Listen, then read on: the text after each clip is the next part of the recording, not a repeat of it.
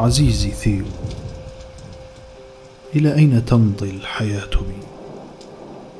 ما الذي يصنعه العقل بنا؟ إنه يفقد الأشياء بهجتها ويقودنا نحو الكآبة.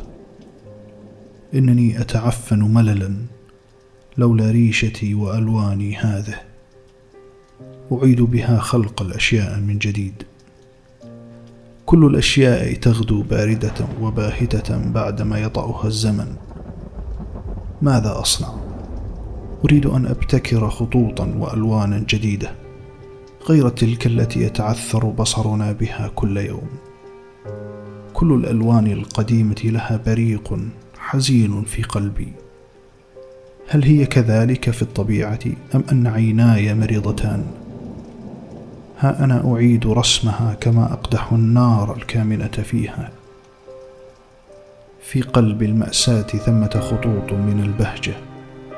أريد لألواني أن تظهرها. في حقول الغربان وسنابل القمح بأعناقها الملوية. وحتى حذاء الفلاح الذي يرشح بؤسا. ثمة فرح ما أريد أن أقبض عليه بواسطة اللون والحركة. للأشياء القبيحة خصوصية فنية قد لا نجدها في الأشياء الجميلة وعين الفنان لا تخطئ ذلك. اليوم رسمت صورتي الشخصية ففي كل صباح عندما أنظر إلى المرآة أقول لنفسي أيها الوجه المكرر يا وجه فانسست القبيح لماذا لا تتجدد؟ أبصق في المرآة وأخرج. واليوم قمت بتشكيل وجهي من جديد لا كما أرادته الطبيعة بل كما أريده أن يكون. عينان ذئبيتان بلا قرار وجه أخضر ولحية كألسنة النار. كانت الأذن في اللوحة ناشزة لا حاجة بي إليها. أمسكت الريشه أقصد موسى الحلاقة وأزلتها. يظهر أن الأمر اختلط علي. بين راسي خارج اللوحة وداخلها. حسنا ماذا سأفعل بتلك الكتلة اللحمية؟ أرسلتها إلى المرأة التي لم تعرف قيمتي وظننت أني أحبها.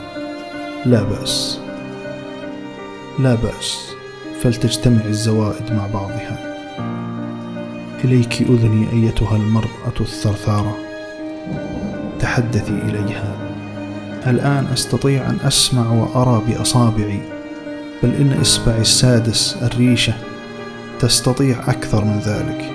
إنها ترقص وتداعب بشره اللوحة. أجلس متاملا. لقد شاخ العالم.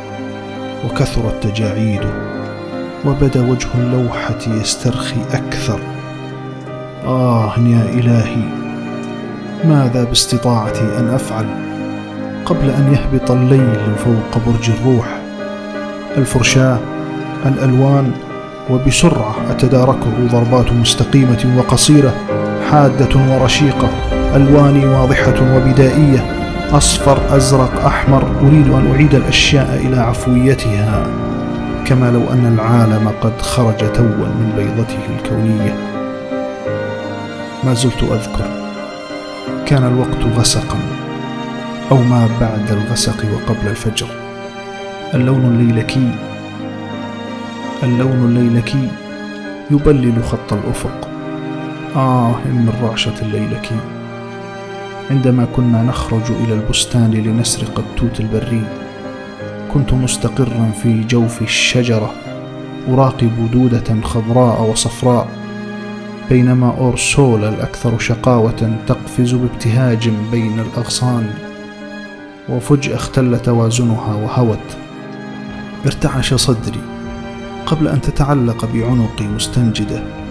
ضممتها إلي وهي تتنفس مثل ظبي مذعور. ولما تناءت عني كانت حبة توت قد تركت رحيقها الليلكي على بياض قميصي. منذ ذلك اليوم عندما كنت في الثانية عشر وأنا أحس بأن سعادة ستغمرني. لو أن ثقبا ليلكيا انفتح في صدري ليتدفق البياض. يا لرعشة الليلكي الفكرة تلح علي كثيرا فهل أستطيع ألا أفعل؟ كامن في زهرة عباد الشمس أيها اللون الأصفر. يا أنا امتص من شعاع هذا الكوكب البهيج. أحدق وأحدق في عين الشمس. حيث روح الكون حتى تحرقني عيناي. شيئان يحركان روحي. التحديق بالشمس وفي الموت. أريد أن أسافر في النجوم وهذا البائس جسدي يعيقني. متى سنمضي؟ متى سنمضي نحن أبناء الأرض؟ حاملين مناديلنا المدماة. ولكن إلى أين؟ إلى الحلم طبعا. بالأمس رسمت زهورا بلون الطين بعدما زرعت نفسي في التراب وكانت السنابل خضراء وصفراء تنمو على مساحة رأسي وغربان الذاكرة تطير بلا هواء.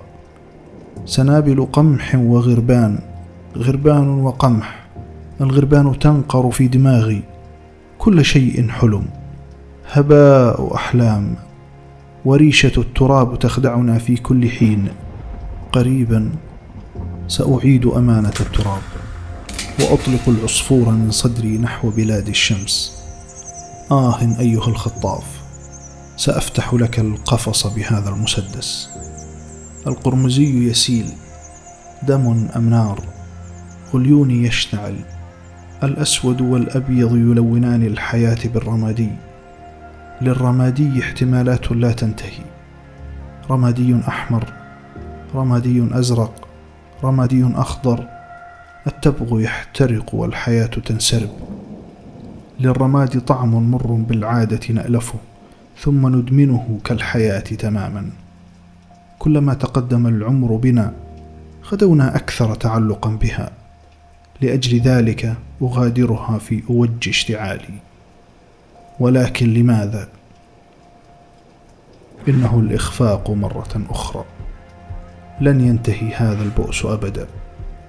وداعا يا ثيو سأغادر نحو الربيع.